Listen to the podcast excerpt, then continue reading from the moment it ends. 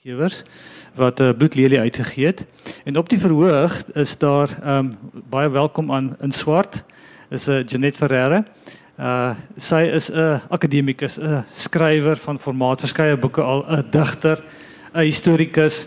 En jy sal agterkom sy stel geweldig wyd belang. En dis hoekom iets soos Bloedlelie so 'n fantastiese boek is want dit is nie net 'n geskiedenisboek nie, dis ook 'n boek oor die nou. En dis wat dit so fantasties interessant maak. Ehm um, en dan langs haar in rooi is Wilhelmine Brummer van die van julle wat haar nog nie um, raak geloop het in die omtes nie. As jy die burger lees, dan sal jy weet wie sy is. Joernalis van formaat. En uh, ek moet sê, ehm um, toe ons nou gedink het wie is nou die regte persoon om te gesels met Janet oor hierdie fantastiese boek wat aan die een kant afspeel in die verlede en aan die ander kant in die nou, toe sê Elmarie vir my, "Wat van Wilhelmine?" Toe sê ek, "Yes." So, dis eintlik al wat ek gaan sê. Baie dankie dat julle hier is. Baie dankie dat julle hier is. Geniet dit. Ek is nie historikus nie. Baie baie baie dankie Isak. Ek wou net sê dit is my geweldige eer om vandag met Janet te praat. Sy wil net sy wil net 'n korreksie maak. Sy is nie 'n historikus nie, maar 'n mens sou dink sy is as 'n mens sien hoe baie sy met die sy van die geskiedenis weet en sy's getroud met 'n historikus. Maar ek wil net sê dit is my geweldige eer om vandag hier langs jou te sit want Janet het langer as 10 jaar gelede soos 'n goeie vee uit die hemel uit neergedaal toe ek 'n sukkelende skrywertjie was wat probeer het om 'n kort verhaal bundel te skryf en hierdie vrou het my net so baie gehelp en Janet um ek is baie dank baie dankbaar dat ek vandag vir jou ietsie kleins kan kan terug kan kan terugdien dis baie lekker om hier oorkant jou te hier langs jou te sit. Ehm um, en dan baie baie geluk met 'n uitstekende boek. Isak, ek ek moet sê ek was 'n bietjie uit die veld geslaan toe ek na die na die omslag kyk van die boek en toe ek dit begin lees van die die twee het nie vir my bymekaar gekom op 'n manier nie, maar ek besef dis dis bemarking en mense wil 'n boek in in CNA verkoop.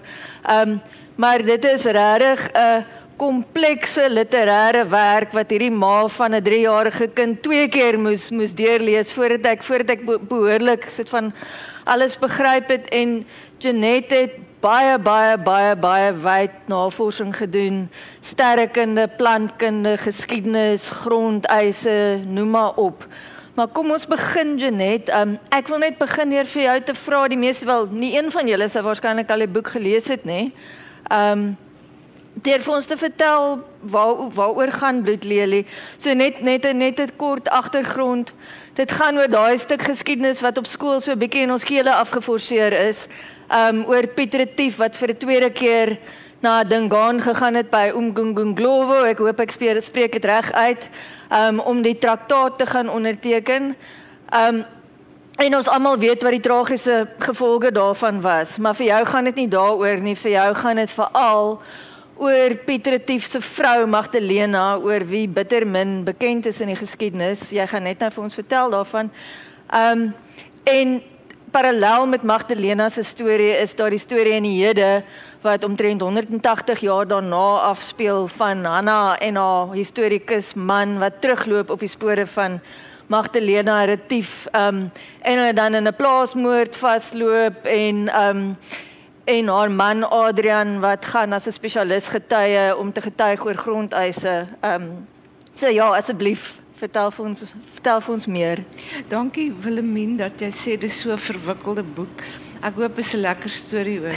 dit dit is 'n lekker storie. Ehm um, ek dink ek moet net miskien iets regstel. Of net ietsie verduidelik. Baie mense weet nie wat 'n spesialis getuie in 'n grondeis nie. Dis 'n nuwe ding ehm um, jy het 'n historikus nodig om te verduidelik wie het wanneer op hierdie grond gewoon. En Hanna se man het in Afrika geskiedenis gespesialiseer. So hy weet wie daar gewoon. Die storie speel af in Zululand wat ons ken as Zululand, suid van die Tugela en noord van die Tugela. En ehm um, van die van julle wat die geskiedenis 'n bietjie vergeet het, die voortrekkers is onder Pieter Tief as gouverneur van die Drakensberg daar rondom Harry Smit by Kerkenberg gestaan toe hulle verder af Port Natal se kant toe en daar so verlate stuk grond wat nou Doringkop weet naby Chiefly stasie Niemand weet dit nie. Dit is waar dit dief gestaan het die laaste keer voordat hy vir die tweede keer na Dingaan toe is. En daar het sy mense vir hom gewag, Magdalena ook. En die storie wat in die hede afspeel is Adrian is 'n spesialis getuie. Hy moet getuig wie op hierdie grond gewoon en hy doen 'n hele paar grondeisake. En daarna ry hy maar saam, maar Hanna het 'n ding oor Magdalena Retief, uh, Piet Retief se vrou. Maar Adrian is nie lus daarvoor nie. Hy sê vir ag, daai goed is loop in my ore uit. Ek nou al so baie daarvan gekry. Ek's dik al voor. Hy sê ook hy's dik al voor. En dan kla hy oor die karre wat hier voor hom ry. En dan vergeet hy, hy ry so stadig en dan bly hy nou stil want hy's nou weer in sy kop iewers. Jy sal sien Adrian's bietjie verstrooid, maar hy het 'n verskriklike skerp kop. Hy hy ken al hierdie goed. Ja, het ek nou afgesê. Goed, en dan speel die storie af van Magdalena en die bekende Deborah. Hulle wag daar by Doringkop vir hom. Ehm um, dis naby Escort in Natal. Escort lê hierdie kant. Durban lê daar, Escort Pretoria, Harry Smit, omtrent so. En dan kom hy nooit weer terug nie. Nou wil ek nou nie die storie weggee nie want party van julle het miskien nie al daai kennis nie. En ek wou graag toe ek hieroor begin lees was ek net verstom oor hoeveel mites aan hierdie gebeure kom vaskleef het. En jy moet deur al daai mites breek en dis ontsettend moeilik want mense gaan skryf daai mites op vir die werklikheid. Hulle skryf artikels daaroor. Hulle word deur hulle uitgewers betaal. Of sorry, hulle word deur hulle hulle media reuse betaal. En dis deur spek van mites. Ek sal later bietjie meer sê daaroor. Ek hoop in die in die proses leer Hanna ook iets van haarself en van Adrian. En ek het gehoop dat uit Magdalena Retief kry ons 'n riglyn vir hoe dit is as omtrent alles wat jy ooit gehad het van jou weggeneem word deur gebrek aan insig deur gierigheid dalk en terwyl ek geskryf het het dit by my opgekom ons Suid-Afrika se mense sit miskien weer in 'n situasie ons beklei weer oor grond. Ons begryp dalk nie dat daar soveel standpunte is en dat ons net 'n paar daarvan ken nie En dis nie 'n sedeles vir iemand nie. Ek is intens bewus van die pyn wat uit plaasmoorde voortspruit. Dit ontstel my ten diepste. Maar ek is ook bewus van die ontsaglike pyn van mense van Afrika wat nog altyd daar gewoon het en hulle grond is ook weggeneem en ek het gehoop ons kan daar aankom waar ons kan verstaan dat meer as een kant Dit was vir my moeilik om dit te verstaan. Ek hoop ek verstaan iets meer daarvan. Ek is nie 'n professionele historikus nie, wat ek weet het ek opgelees. En dit is ehm um, Miskien kan ek dit met julle deel. 'n Boek groei in my hart. My boeke oor die Anglo-Boereoorlog, al daai boeke waaruit ek gewerk het, staan net so my dagboek van Louis Trigard stort in een. Jy kan nie met die boek hanteer nie, maar hy moet daar staan. Ek het 'n emosionele verbintenis daarmee. En ook met my met met die groot trek toe ek oor Louis Trigard geskryf het, die son kom aan die seekant op. En my man is baie ongelukkig daaroor want ek het sy boek sy uitgebreide boekery regtig geplunder ek het nie geweet hy het so baie goed oor die groot trek nie. En daar het ek nou daai boeke vasgevang. En daai boek raak van my agter toe deure en ek dink nie hy gaan weer daai boeke kry nie. Net ek wil net gou vir jou twee vrae vra wat met hierdie boek te doen het, maar wat eintlik die boek vooraf gaan. Ehm um, die eerste is vir die van julle wat nou as skryfwerk ken, daar was 'n geweldige lang stilte voor Bloedlelie uitgekom met 12 jaar. Die vorige boek wat jy ge, ge, geskryf het was die son kom aan die seekant op en dit was ook oor die voortrekker geskiedenis. Um en ook veral uit 'n vroulike perspektief wat jy wat wat jy gekyk het. Um hoe hoe kom Hoekom lees ons nou eers weer en, en ek weet jy jy jy moes geweldig baie navorsing gedoen het vir hierdie hierdie boek. So ek's nie verbaas dat dit laat laat ons nou eers iets van jou lees nie, maar hoekom hierdie lang stilte? Ek werk baie hard. Ek redigeer en keur vir 'n paar uitgewerye. En ek het daai werk nou 'n bietjie afgeskaal. So skryf is maar luukse. En ek het ook 'n familie, 'n gesinslewe. Uh ek het ook twee kleinkinders. En wie ek bietjie tyd wil bestee. Maar die navorsing moet ek sê, dit is die wonderlike ding af van wat jy navors vir hierdie boek. Jy kan nooit al daai navorsing gebruik nie. En jy moet leer you have to kill your darlings. Al het jy daai klomp navorsing gedoen, daar's nie plek daarvoor in hierdie boekie, dan moet dit gaan. En baie van die navorsing het oorgestaan. Ehm um, dat baie van die navorsing oor Trigard moes ek maar net afskryf. Ek het dit nie eers gehou nie. Ek dink hierdie ding om my oorval af. Is nog oké, okay, Michael? Toe maar, toe maar, daar's hy reg, daar's hy reg. Ek het ehm um, nie eers die navorsing gehou nie. As jy so intens oor iets lees, dan sit dit in jou kop. So ek het 'n klomp navorsing eenvoudig in my kop gehad. Hmm. Maar dit het hierdie keer nie ek sukkel met die ding Michael skies hoor. Um dit het hierdie keer nie net oor die groot trek gegaan nie. Dit het daar's ook baie sterrekunde in. En moet tog nie na my kyk vir kennis oor die sterrekunde nie. Hier sit Helena Gunter. Sy het nou sy het nou baie daaroor gaan lees. Um die natuur ek het 'n swaar wat 'n baie bekende plantkundige is. Ek het baie by hom geleer. Ek het 'n man wat nie 'n plantkundige is nie wat ongelooflik baie van die natuur weet. Ek leer ook elke dag deur my studeerkamer venster. Daar sit 'n die apies trek skemertyd deur ons ons inheemse tuin. Daar trek die trop ape deur. Uit die neushoring voel sit daar 'n huil in ons tuin. Ons sit na die mure en kyk hoe hulle daar werk en hoeveel soorte mure daar is. Ehm um, musiek het ek ook ehm um, baie nader aan die huis geleer. Ek luister na alles. Die persoon wat die kenner is van klassieke musiek het vir my al wat geleer. Is dit genoeg, Filmin? nee, dit is Dan wil ek vir jou vra en ek en jy het hieroor gepraat voor die tyd. So jy het 10 romans geskryf en dit ons gaan tel, wel jy het gaan tel 5 van jou van jou romans gaan oor gaan oor oorlog. En heelwat van die boeke wat jy as redakteur uitgegee het, het het toe ook oor oorlog gegaan, onder andere die Anglo-Boereoorlog, die Boereoorlog, ag en die Grensoorlog. Um vir iemand wat ek weet nie van oorlog hou nie. Hoekom skryf jy so baie oor oorlog?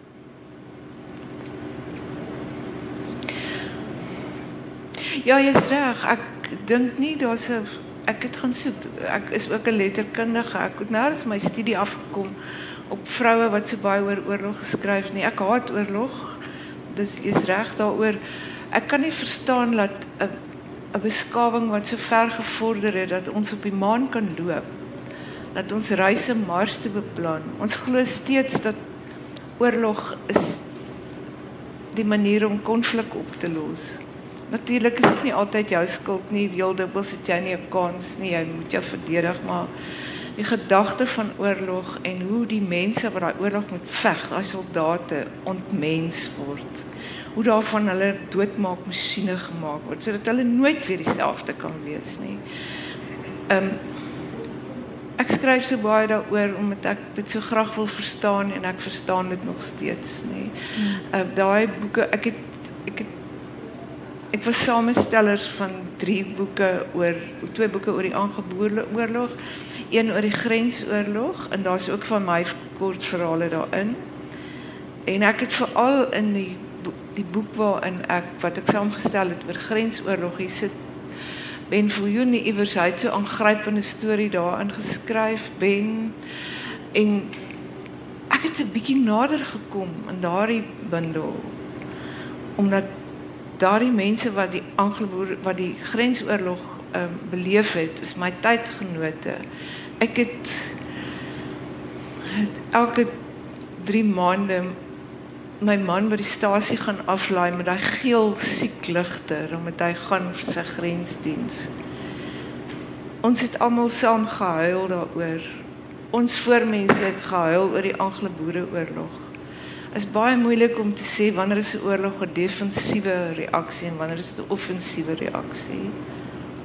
Ek dink nie ek verstaan meer van oorlog nie. Ek haat ook oorlog tussen mense. Miskien leer ons uit oorlog hoe om die oorlog tussen mens tot mens beter te maak deur te praat. Ehm um, beheers te praat. Deur mekaar nie te tart nie. In oorlog wil mense alles van jouself vat. Ag alles van 'n ander mens afneem. In liefde wil 'n mens alles van jouself gee. Ek hoop ons beweeg nader aan daardie ding van ek wil meer van myself gee. En oorlog gaan natuurlik ook oor geweld. Ehm um, Steven Pinker, die sielkundige, het 'n boek gelees wat elke geskryf wat elke Suid-Afrikaner moet lees. The Better Angels of Our Nature. oor geweld. En dit is maar wat oorlog is, né? Alexandra Fuller het daaroor geskryf in Cocktail Hour Under the Tree of Forgetfulness. En sy het daarin gesê ons dink oorlog is verby as ons daai papier geteken het wat sê die oorlog is verby. Baie keer begin die oorlog dan eers, soos ons gesien het. Daar's nie vrede in ons land nie. Maar wat jou boeke so interessant maak is dat jy baie keer skryf oor 'n vroulike perspektief op die op die oorlog en wat 'n mens nie van Magdalena aanvanklik besef nie is is dat sy eintlik baie meer gelei het soos soos wat jy self gesê het as wat Pieter Retief gelei het. Sy het baie meer verloor uit daai oorlog as wat hy verloor het. Um en die enigste regte stukkie wat ons van haarself het wat sy self geskryf het is daai is daai wonderlike brief wat jy vir my aangestuur het wat Magdalena retief in 1940 nê 8 ekskuus 18 1841 vir haar swaar geskryf het daar uit Piet, uit um, Pieter Maritzburg. Um en daar in die brief interessant genoeg um skryf sy eers dat dit bo verwagting goed met haar gaan en dan lys sy al die goeters al die verliese wat sy al gehad het in haar lewe En dit is ongelooflik dat die vrou staande gebly daarna. So sy sy het haar eerste man Jan Greiling het sy ehm um, daai storie weggee. Ekskuus, jy jy jy kan ons vertel. Jy jy kan ons vertel wat in die brief staan en hoekom is dit dat nadat jy daai brief gelees het dat dat Magdalena jou so aan die ja. aan die hart gegryp het. Ja. Ek ek wil nie sê van haar eerste man nie. Dit kom heel aan die einde van die storie uit. Ekskuus. Nee nee nee, dis is ehm um, sy moes 'n ongelooflike mens gewees het. Sy skryf daar in 1841 aan haar swaar François Retief in die kolonie. Hy het haar gesê, anders sou dit nie gedoen het nie. Skryf vir ons neer, hoeveel kinders het jy nou verloor en jou mans? Toe sê sy, soos jy gevra het hier. Ek het net 5 van ek dink 14 kinders hoor ek het albei my mans verloor in hierdie konflik. Maar dan skryf sy daar 'n sin wat my trane in my oë gegee het want sy sê maar die Here was vir my baie goed bo my verdienste. En ek dit was die een sin wat vir my laat voel dit hier staan. U praat Magdalena met my deur die deur die vliese van die tyd hier's iets wat ons moet leer wat ons nie verstaan nie. Ons moet leer dat in ons armoede is daar mense wat baie armer as ons is. Ons moet leer in ons pyn en alles wat ons verloor as mense wat meer as ons verloor het. Jy weet ek het nou die dag het iemand teenoor my gekla omdat ons in sulke lang rye in Tanzanië in die spaar moet staan en ek het toe vir haar gesê, weet jy, daar's mense wat Auschwitz oorleef het. Ehm um, Magdalena, dit kan ek maar sê want dit kom vroeg in die Hierdie vrou het baie ryk geërf by haar eerste man. Daar's 'n boedellys uh, agter 'n prellers boek oor haar. Sy het goed geërf, soos die ou mense gesê het. Dit sy met Retief getrou, sy het alles verloor. Hy het weer daai goed by hy het weer heelwat bymekaar gemaak. Maar sy het weer alles verloor. Onthou as jy nie 'n man gehad het op die groot trek nie, was jy verlore. Dis hoekom daai vrouens 2, 3 maande na hulle mans dood is weer getrou het. Dit was gewoonlik rampspoedig, maar Rit se vrou, Agneta, het 5 maande na Marit se dood weer getrou en daai man het alles deurgebring. 'n Skuld gemaak. Sy het hom geskei. In daai tyd was egskeiding ehm um, Wat se kind se naam? Debora. Debora. Retief se dogter het 'n bittere ervaring gehad. Moet nou nie haar storie weggee nie.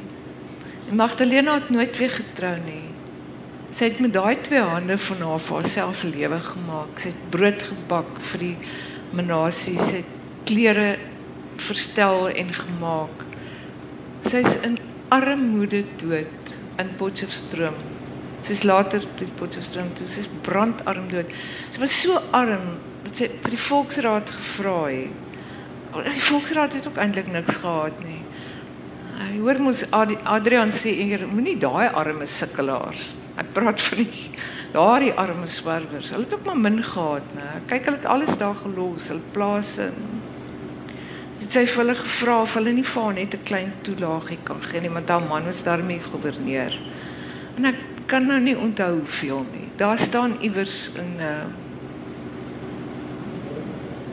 Dis iewers opgeteken. Praller het dit opgeteken, Gustav Praller en uh die Nederlandse handelaar Stuart, hy het dit ook opgeteken. Sy's in groot armoede dood. Nou vra ek, waar is die kinders? Dit daai tyd het kinders moes vir ouers gesorg. Want Deborah was met Swart Martiens getroud. Sy daar by Pillendaba, wat Pillendaba aan die Apies rivier, sy daar gewoon. Ja, ek Barend was ook in Potchefstroom. Mens kyk mos so 'n soort van as jy kan mos na jou ouers, maar miskien was Magdalena te trots. Ek weet nie, miskien was sy te onafhanklik. Wat ek ook vir jou wou vra is in die boek is daar 'n voortdurende gesprek oor die oor die aard van geskiedenis. Um en ook die subjektiwiteit van geskiedenis. Nou jy het 'n baie interessante referaat geskryf oor die son kom aan die seekant oop op waarin jy geskryf het oor die rol van 'n geskiedkundige en die rol van 'n skrywer. En jy het gesê 'n historikus teken feite op en interpreteer dit. Alhoewel 'n historikus natuurlik ook maar selekteer soos wat Adrian daar op op 'n kol in die boek sê. En die skrywer maak ja jag op daai dinge wat wat nie in dokumente ver, vermeld word nie. Daai onbeskrewe oomblikke. Nou, ehm um, wat was die onbeskrewe oomblikke en daarvan was daar natuurlik baie in Magdalena se retief se se se lewe wat op jou die grootste impak gemaak het. Ehm um, want dit is interessant in ander gevalle bly en weer geweldig naby naby aan die geskiedenis. So daar's daar's ja, wil wil jy meer vir ons vertel oor oor daai Ek het nooit afgewyk van dokumente nie. En in die boek wat ek oor Roy Trigard geskryf het en ek weet nie jy hom nog sal kry nie. Miskien sien ons weer 'n herdruk daarvan.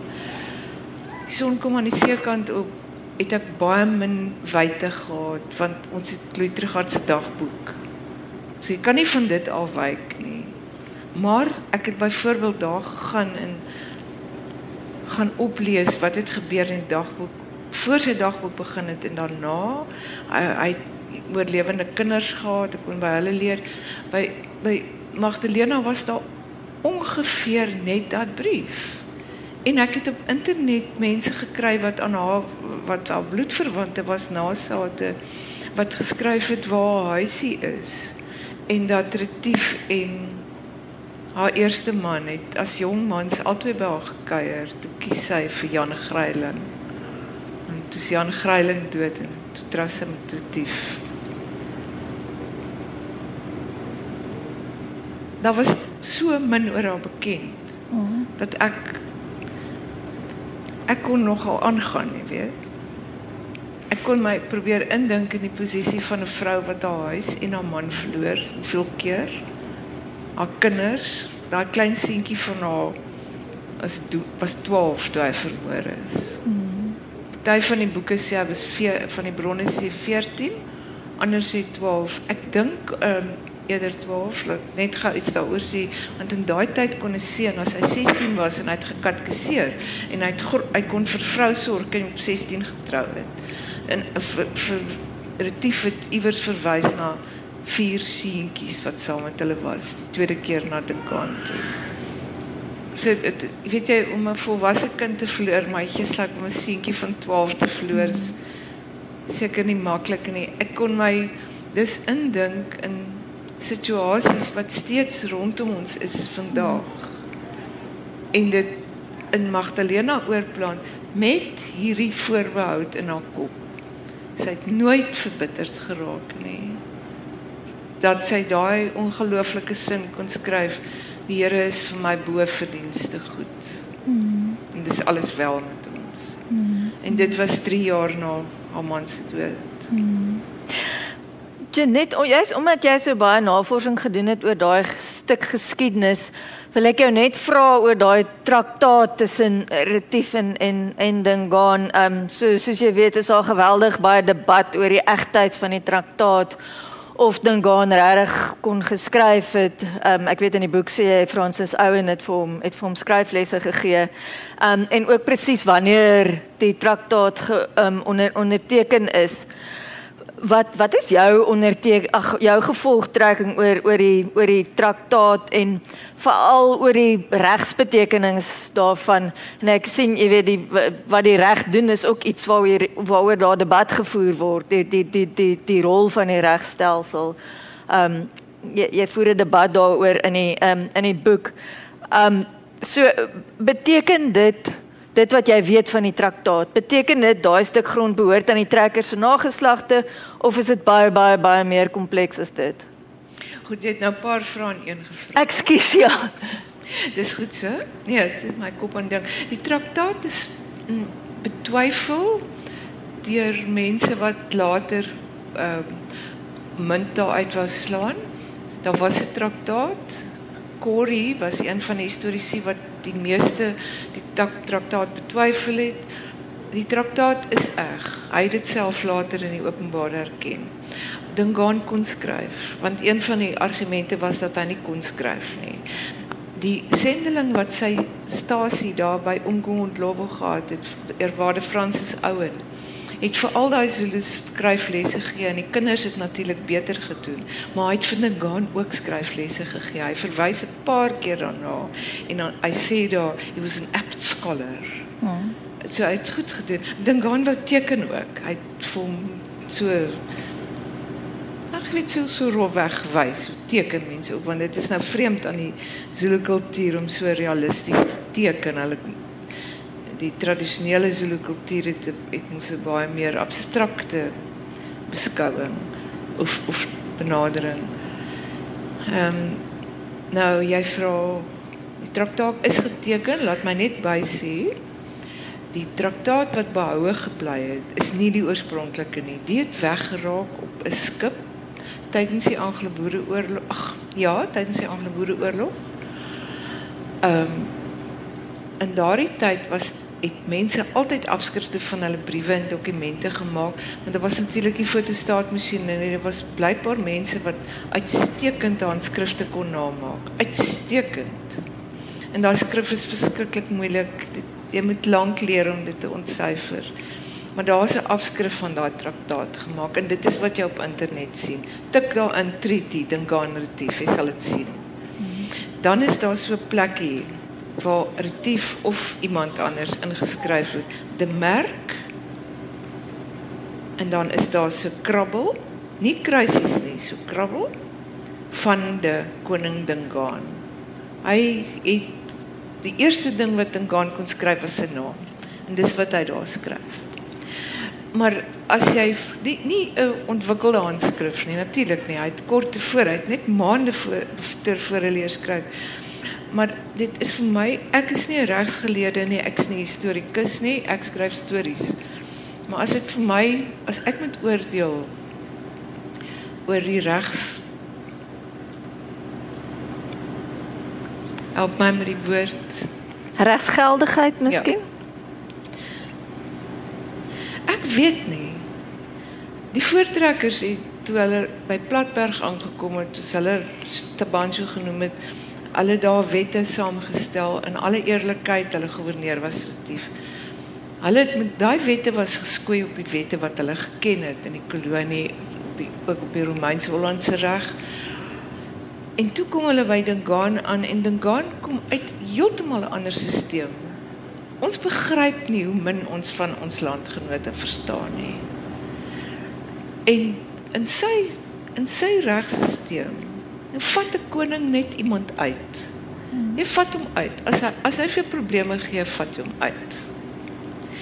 En as koning was hy omtrent 'n soort god. Dit moet mense ook onthou, die tradisionele Zulu koning was 'n soort god soos dit 11 en 3 en 17 eeue gelede die die die geval was die koning het apart van die volk geleef soos ons byvoorbeeld by Tulamela sien in die noorde van die Kleurwiltuin in in die ou oudste gevalle mag die volk nie eers die koning gesien het nie. Hy het agter 6 voet klipmure gewoon en hy jy sou net deur 'n masker gesien het. En ek het baie keer gewonder Is dit nie hoekom Dingaan hierdie eienaardige masker gedra het toe hy retief die eerste keer gesien het nie? Sulke 'n uh, uh, rooi koper kettingkies wat voor sy gesig gehang het. Mm. Ek weet nie, dis bespiegeling. Ek weet nie. Hier twee regstelsels of wat ons die reg noem. Hier hierdie twee goed ontmoet op Umgong en Law. En wat daai wat regstelsel genoem is was ook intens verweef met wat westerlinge godsdiens noem wat in Afrika nou verwant is en wel ook in die weste. Kerke staat jy weet. Uh, nou nie meer nie maar dit was dit is hoe dit was.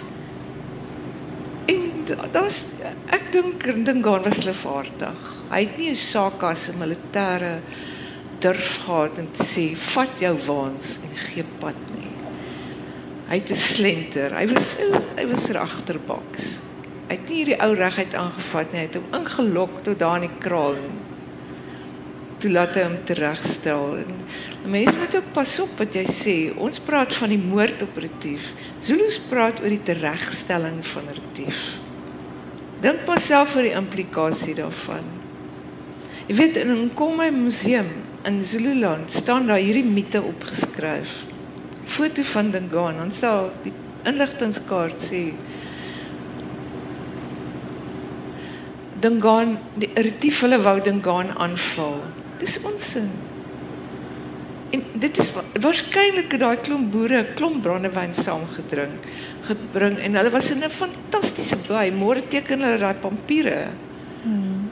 Jy weet, en uh, miskien 'n paar doppe gevat en daar stories onder die Zulus dat hulle daai nag om die kraal gery het, om die om die groot kraal, die koningsvesting. Dit kon wees uit nuuskierigheid om te sien hoe groot is dit, want dit is 'n magtige kraal. So ooit die kans het gaan soontoe, dele daarvan is gerestoreer. Daai koppie die boere moordkoppie noem, wat hulle kwam met 'n waanie, die Zulus kwam met 'n waanie noem. Dit staan daar. Jy kan van daar af terugkyk. Dan sien jy hoe lê daai koningskraal daar. Dit sou die laaste gewees het wat hulle gesien het. Hmm. Maar net nie vergeet hoe ver dit reg gaan nie. Dis nie net retief hulle wat daar tereggestel is nie. Ouen en sy diensmeisie en sy tolk William Wood skryf dat daar weekliks mense tereggestel is, Dingaanse onderdane vir die geringste oortreding sonder 'n verhoor. Dit was die regstelsel. Die koning was God. Nie ander god geken nie. Dit ons hierdie ding van ons van 'n God iewers in 'n heilige vredelike staat. Hulle het gelag daaroor. Hulle het vande gemaak van ouen. Jy moet sy dagboek lees. Die een ou het vir hom gesê maar as as God in die hemel is, waar is daai tou waarmee hy opgeklim het? Waar is God se vrou?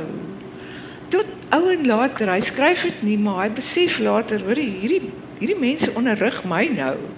Ek moet nou kabaai sien. Dan doen hy goue gebed en dan is dit verby. En ek sê dit nie spot onderwys nie. Ek sê dit om te wys hoeveel moed en besieling moes hy gehad het. Kan ek maar nog praat? Ek wil ek wil jou net gou ja. onderbreek want ek dink baie mense nie gehoor wat dit wat die boek al gelees het, ehm um, sou sou dit dalk wou weet.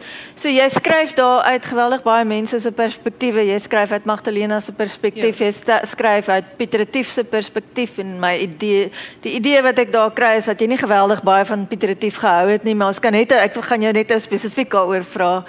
En jy vra, skryf uit Frans en soos ouens se perspektief uit, uit Hanna se perspektief en so aan maar tog in hierdie ehm um, geweldig polities korrekte tye ehm um, probeer jy nooit uit Dingaanse perspektief skryf nie. Is is dit dat jy gevoel het dis nie jou plek nie? Hoe hoekom het jy daai besluit gemaak? Ja, ek het duur betaal daarvoor. Maar ek sal dit nie doen nie. As ons in hierdie tyd van ons moet politiek korrek wees.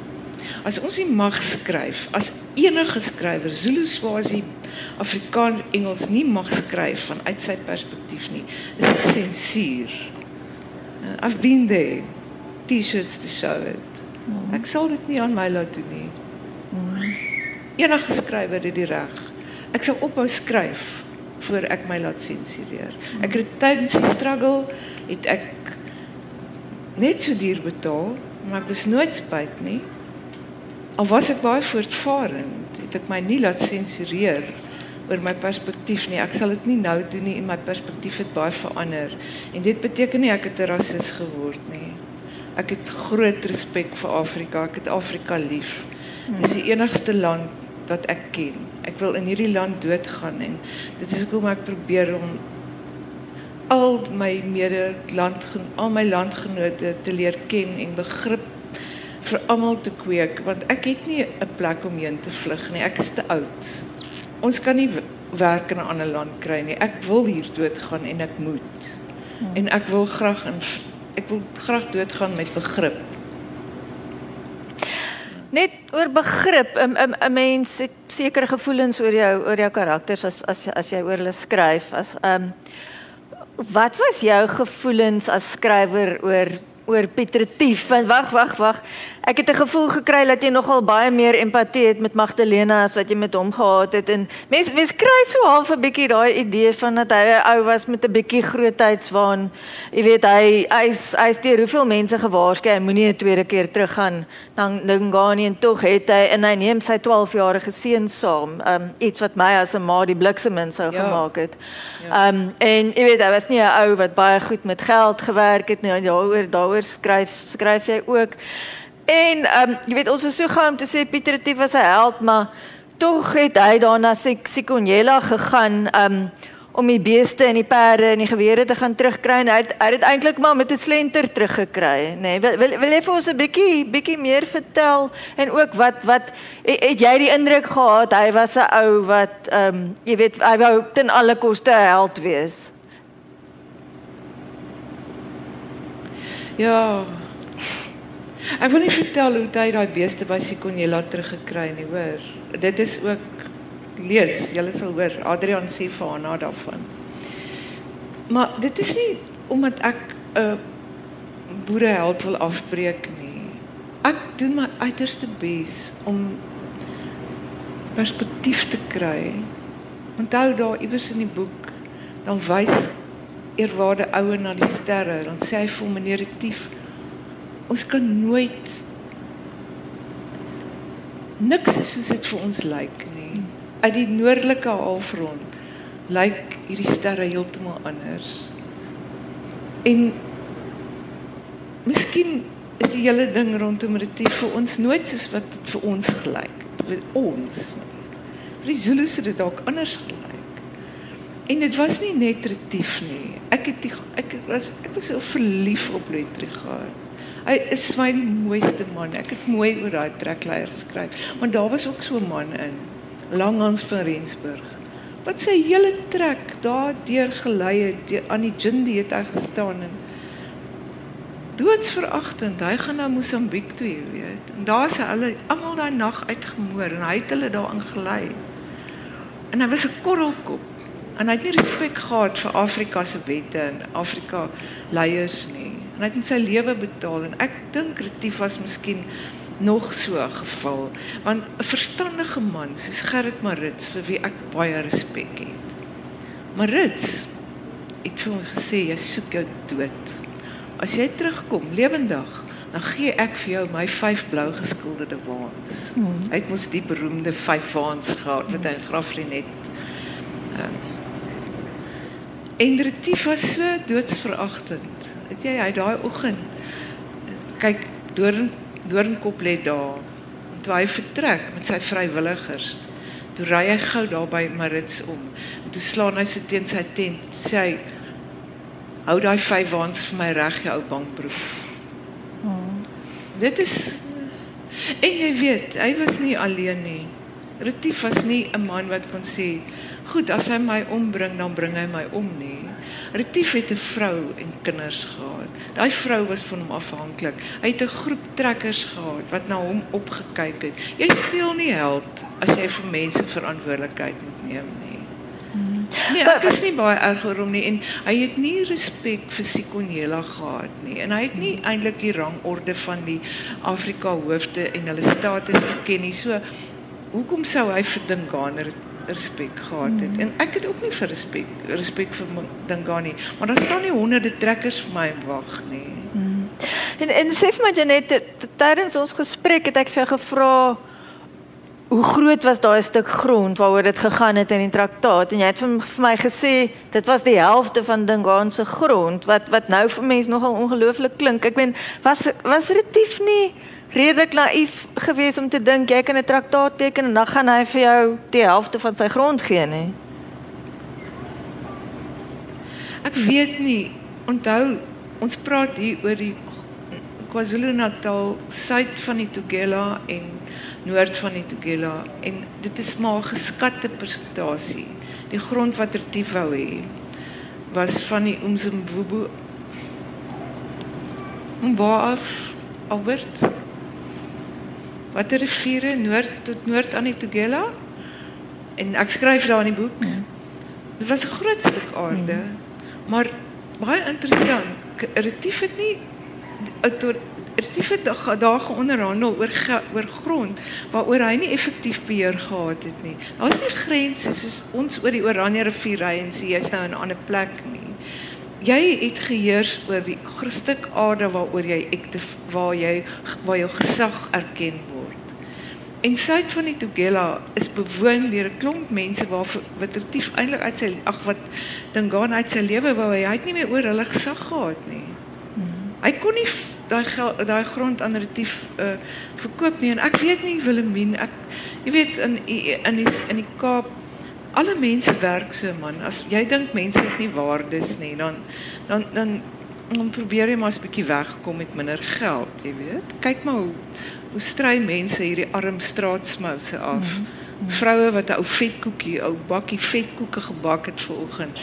Nou gaan staan 'n ryk wit man daar wat uit 'n kar klim en stry hy die vrou af vir 5 sent en hy voel trots daarop. Daai mhm. mentaliteit kry jy in alle lande. Jy kry dit andersom ook in hierdie land. Hmm. En daar was seker maar nog iets van daai mentaliteit van jy ruil 'n armband vir 'n klomp beeste want hmm. So 1652 van die mense wat hier so woon is baie dien arm en hulle weet nie wat is geld wat is wat geld werd is nie. Dalk was dit Ek het net gou vir jou nog 'n vraagie oor Dingaan want dit was vir my verskriklik interessant. Jy het daar geskryf oor hoe ongelooflik onvoorspelbaar Dingaan was, nê? Nee? En jy sê daar het eintlik al die kenmerke gehad van iemand met bipolêre gemoedstoornis. Wil jy wil jy vir my vertel, wil jy vir ons vertel hoekom hoekom jy dit hoekom jy dit sou sê? Ek is nie 'n sielkundige nie. Ek het sielkundige geswat, maar ek's nie 'n sielkundige nie. Dit ek het dit maar gesê na aanleiding van die feit dat hy die ontsaglike gemoedstoornings het. Die die handelaars het geskryf dat hy kruip vir dae sit hy daar in daai hut van hom en hy wys nie sy gesig nie. En as hy daar uitkom dan laat hy sommer iemand terugstel. Dit het Shaka ook gedoen.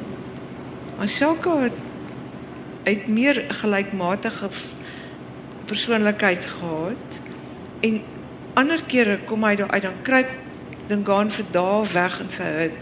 Hy's so kwaad, hy ra, hy verskreeu mense wat vir hom kos bring. Jag hulle uit. En dan sal hy daar uitkom en hy het so rooi mantel gehad wat baie vreeslik trots is.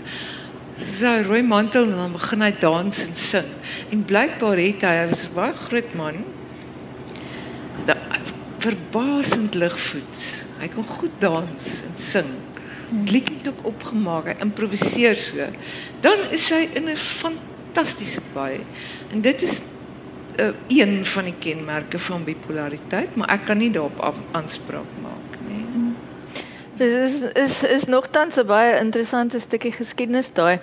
Um Eva van Jaarsveld en ek sal nou nie sê hy's soort van familie, wel aangetrede familie. Nee, maar hy is geteer en veer daaroor sy voordrag um oor die oor die geskiedenis van Bloedrivier wat vra laat ontstaan het oor die Afri oor of die Afrikaners werklik deur 'n gelofte gebind word. Um Eerstens is interessant dat jy juis gekies het om nie oor Bloedrivier te skryf in in in in jou boek nie, maar waarskynlik omdat dit nie regtig iets met Magdalena te doen gehad nie, gehad het nie. En dan tweedens, um glo glo jy die gelofte moet gevier word? Nee. Maar ek respekteer dit. As mense gelofte wil vier, nee, vier nie gelofte nie, gedenk het. As mense dit wil gedenk, respekteer ek. Ek respekteer alle forme van mense wat wat religieus is. Ek ehm um, ek is ook spiritueel.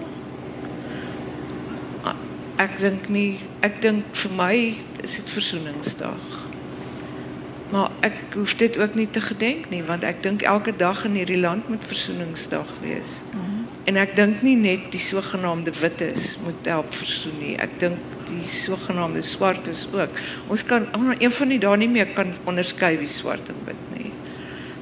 Ek dink die versoening is almal se werk. En dit moet elke dag wees. Ja, ek vier nie die gelofte nie, maar ek ek ek herdenk dit nie. Ek het al 'n gedenk ehm um, dag gepraat en toe ek afklim toe sê die dominee vir my, maar net nie vandag iets oor versoening sê nie, hoor? En ek was nie kwaad nie, ek maar net daar gaan staan en gesê hierdie dag is versoeningsdag. Ons moet mooi dink wat ons doen.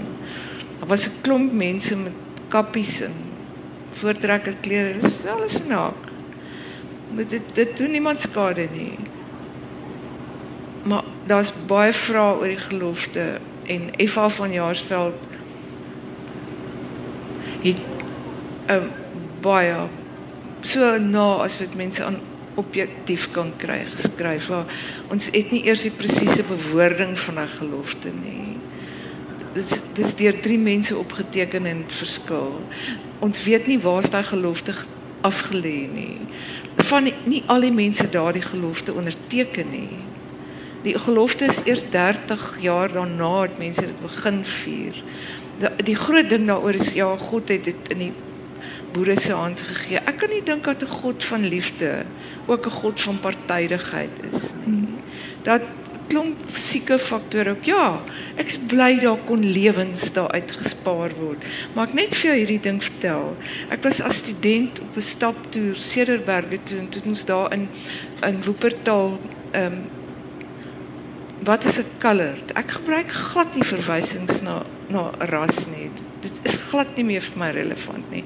Nou dit bestaan uit sogenaamde kleerlinge. Toe staan ek daar voor 'n klaskamer en ek hoor hoe loop die onderwyser deur die klas. Ons slaan hy die seentjie so, nou nie hard nie, ons slaan so op die rug en sê: "Hoeveel lyke is daar getel in Bloedrivier?" Wonder ek wat dink hierdie kind, weet? Wie se voormens was dit nou eintlik? Ek ek is jammer, ek kan nie daarmee identifiseer nie. Maar as mense voel hulle voorsate kon vir hulle riglyne gee, ek sal liewer my riglyn wil neem by 'n 'n morele heldin soos Magdalena Retief wat na soveel jare skryf die Here was vir my goed bo verdienste. Daar's vir my 'n riglyn. Ek sê leef in dankbaarheid. En elke dag dankie sê. Ek het kos gehad vandag. Ek het klere, ek kan my kinders skool toe stuur. Ons dit is alles voorregte. Janet, ek is seker hoe, hoe, hoe baie tyd ons oor dit nie en ons waarskynlik nog oor 10 minute en ons waarskynlik nog vrae uit die gehoor. So ek wil net vinnig met jou praat. Ek het eintlik nog geweldig baie vrae wat ek vir jou wou vra. Ehm um, maar die die die naam van die boek. Ehm um, en jy het geweldig baie navorsing gedoen natuurlik oor die oor die plantkunde vir vir jou vir jou boek. Hoe hoekom het die bloedlele jy so indruk op jou gemaak? En jy skryf geweldig. Ek wens ek het nou die sin hier, so jy skryf geweldig poëties daaroor julle moet gaan kyk hoe lyk 'n bloedlelie, dan sal julle weet hoekom het ek my hart daarop verloor. Die die botaniese naam is Scadoxus puniceus. Dit is so groot blom. Dit lyk soos 'n wond of dit lyk soos die son. En dit het my laat dink dis soos 'n mens wat ly of liefhet. En albei het ook skoonheid in. Hmm. En daar by ons in Zululand is die bloedlelie. Dis nou maar die volksnaam, né? As jy na die ding so kyk onder Scadoxus puniceus. En pas op, daar's 'n paar. Daar's 'n imantis ook. Dis nie die imantis nie. Hy's nie so aanskoulik nie. Die Scadoxus puniceus is my liefling. Daar staan 30 in my tuin. Hulle blom net omtrent 2 weke. 10 dae na hy oop gegaan het en sy sy sy blom, sy steel staan so hoog, so dik groen steel, dan maak hy so groot bloeddruppel vir vir bol.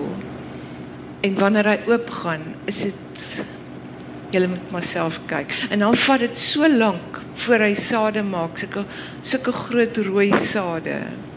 En as jy van daai sade plant, van al daai sade, daar kan tot 2 300 sade uitkom, dan kom maar 10 op.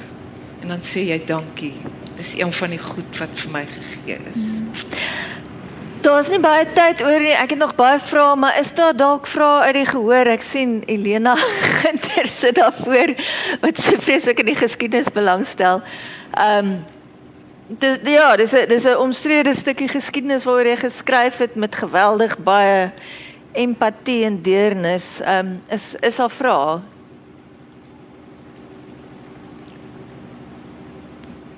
Dankie Janet.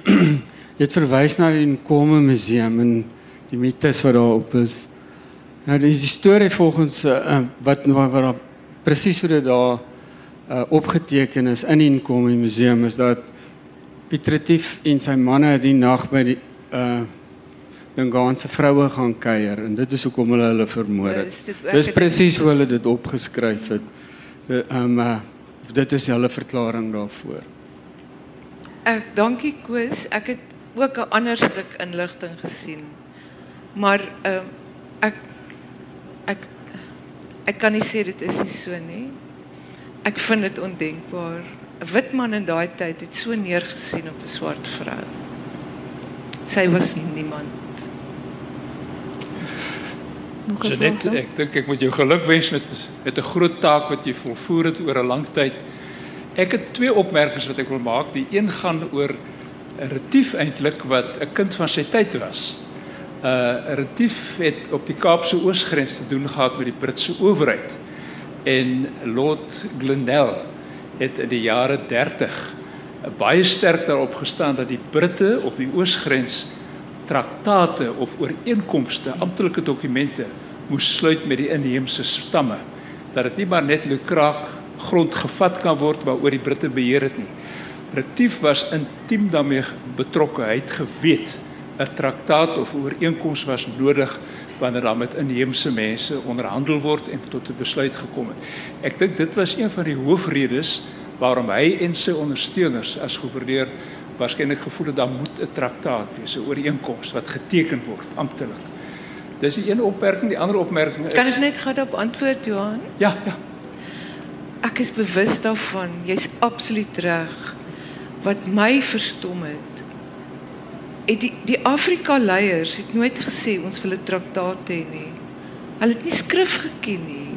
Hulle het ander wette geken en hierdie twee wette, hierdie twee stelsels in mekaar vasgeloop. korrek. Ek dink dis heeltemal reg. Dis net die een kant van die saak. Die ander opmerking is net Uyskriege is bekend dat hy in 1938 'n toneelstuk uh, geskryf het Ja, uh, oor Magdalena. Wil jy iets daaroor Vol sê? Weet jy, ek kon nie daai ding in die hande kry nie en dit was nooit vir my voorgeskryf nie.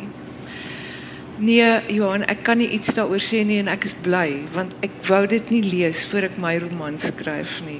Ek het byvoorbeeld ook nie gelees oor oor enige toneelstukke wat oor ehm um, Trigard geskryf is terwyl ek oor Trigard geskryf het nie. Trouens, ek lees nie ek lees niks wanneer ek skryf nie. Ek probeer my kop leegmaak. Ehm um, nee, ek het nie. Nee.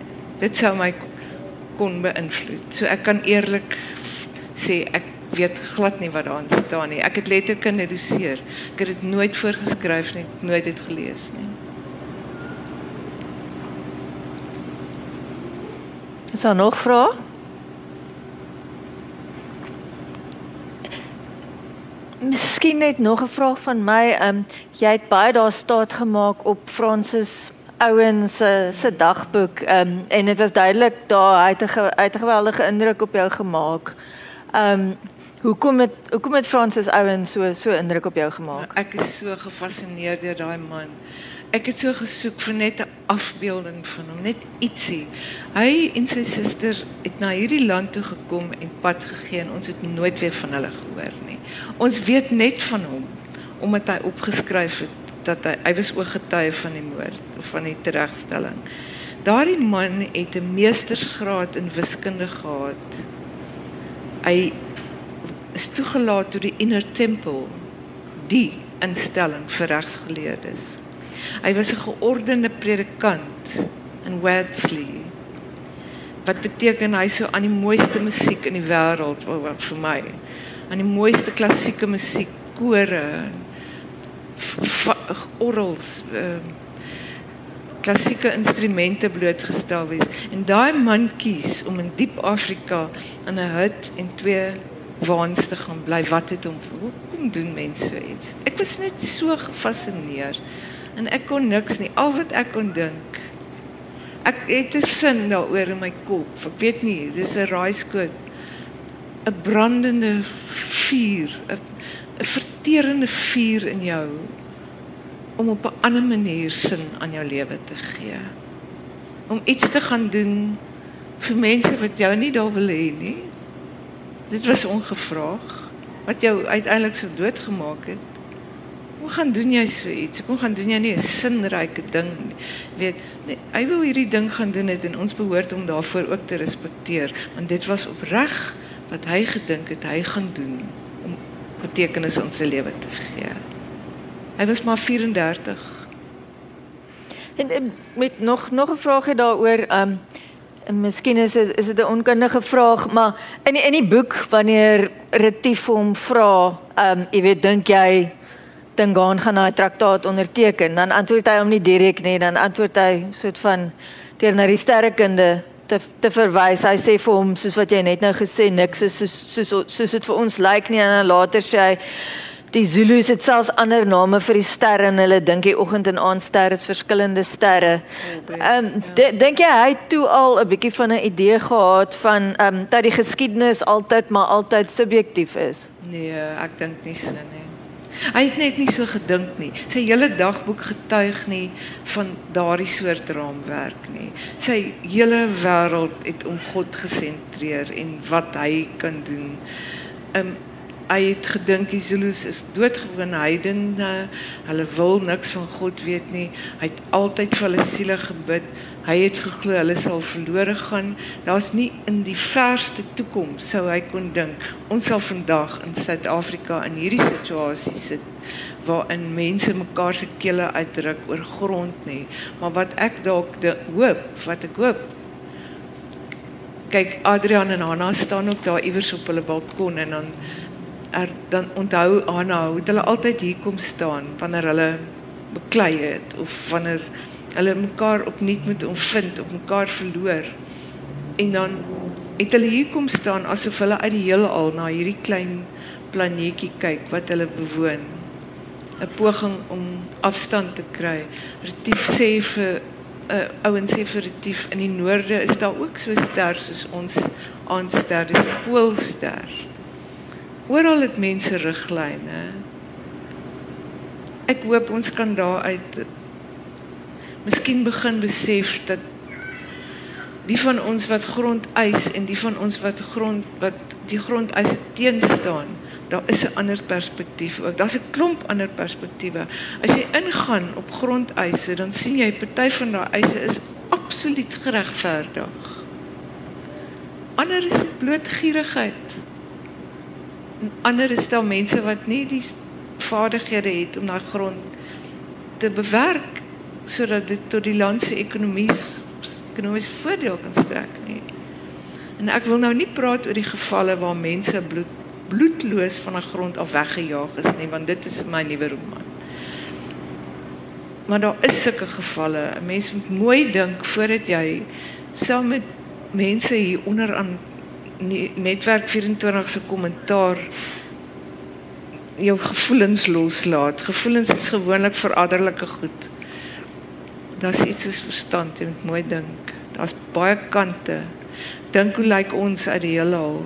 die, ons die aarde, die sterre lyk nie eers op die aarde van een van van soos wat dit van hierdie hoek af nie. Ehm um, as as ons moet nou dat ons weet hoe lyk die heelal. Daai sterre wat ons daar sien is nie hoe dit lyk nie. Daar's miljoene triljoene ligjare tussen hulle lê nie op dieselfde vlak nie. Ons was die westerlinge was ook maar net so dom of het ook net die kat so ver eh, aan die sterk weet gehad. Die die ou ou Afrika glo die sterre is die son wat karos oor hom trek. Sit so mooi nie? En dan maar die karos is al so oud daar skyn is baie gaatjies in en dan skyn die son daardeur dis wat die sterre is hoe weet ons ons is nou presies reg oor wat ons van die sterre kan weet beskeidenheid is 'n goeie ding Net ons sal nog baie lank ja. oor grondeise kom praat en al die geweldig baie navorsing wat jy gedoen het oor oor grondeise vir hierdie boek, maar ek sien Elmarie na rooi rok staan nader. Ek vermoed sy wil ons met klaarmaak. Baie baie baie baie dankie.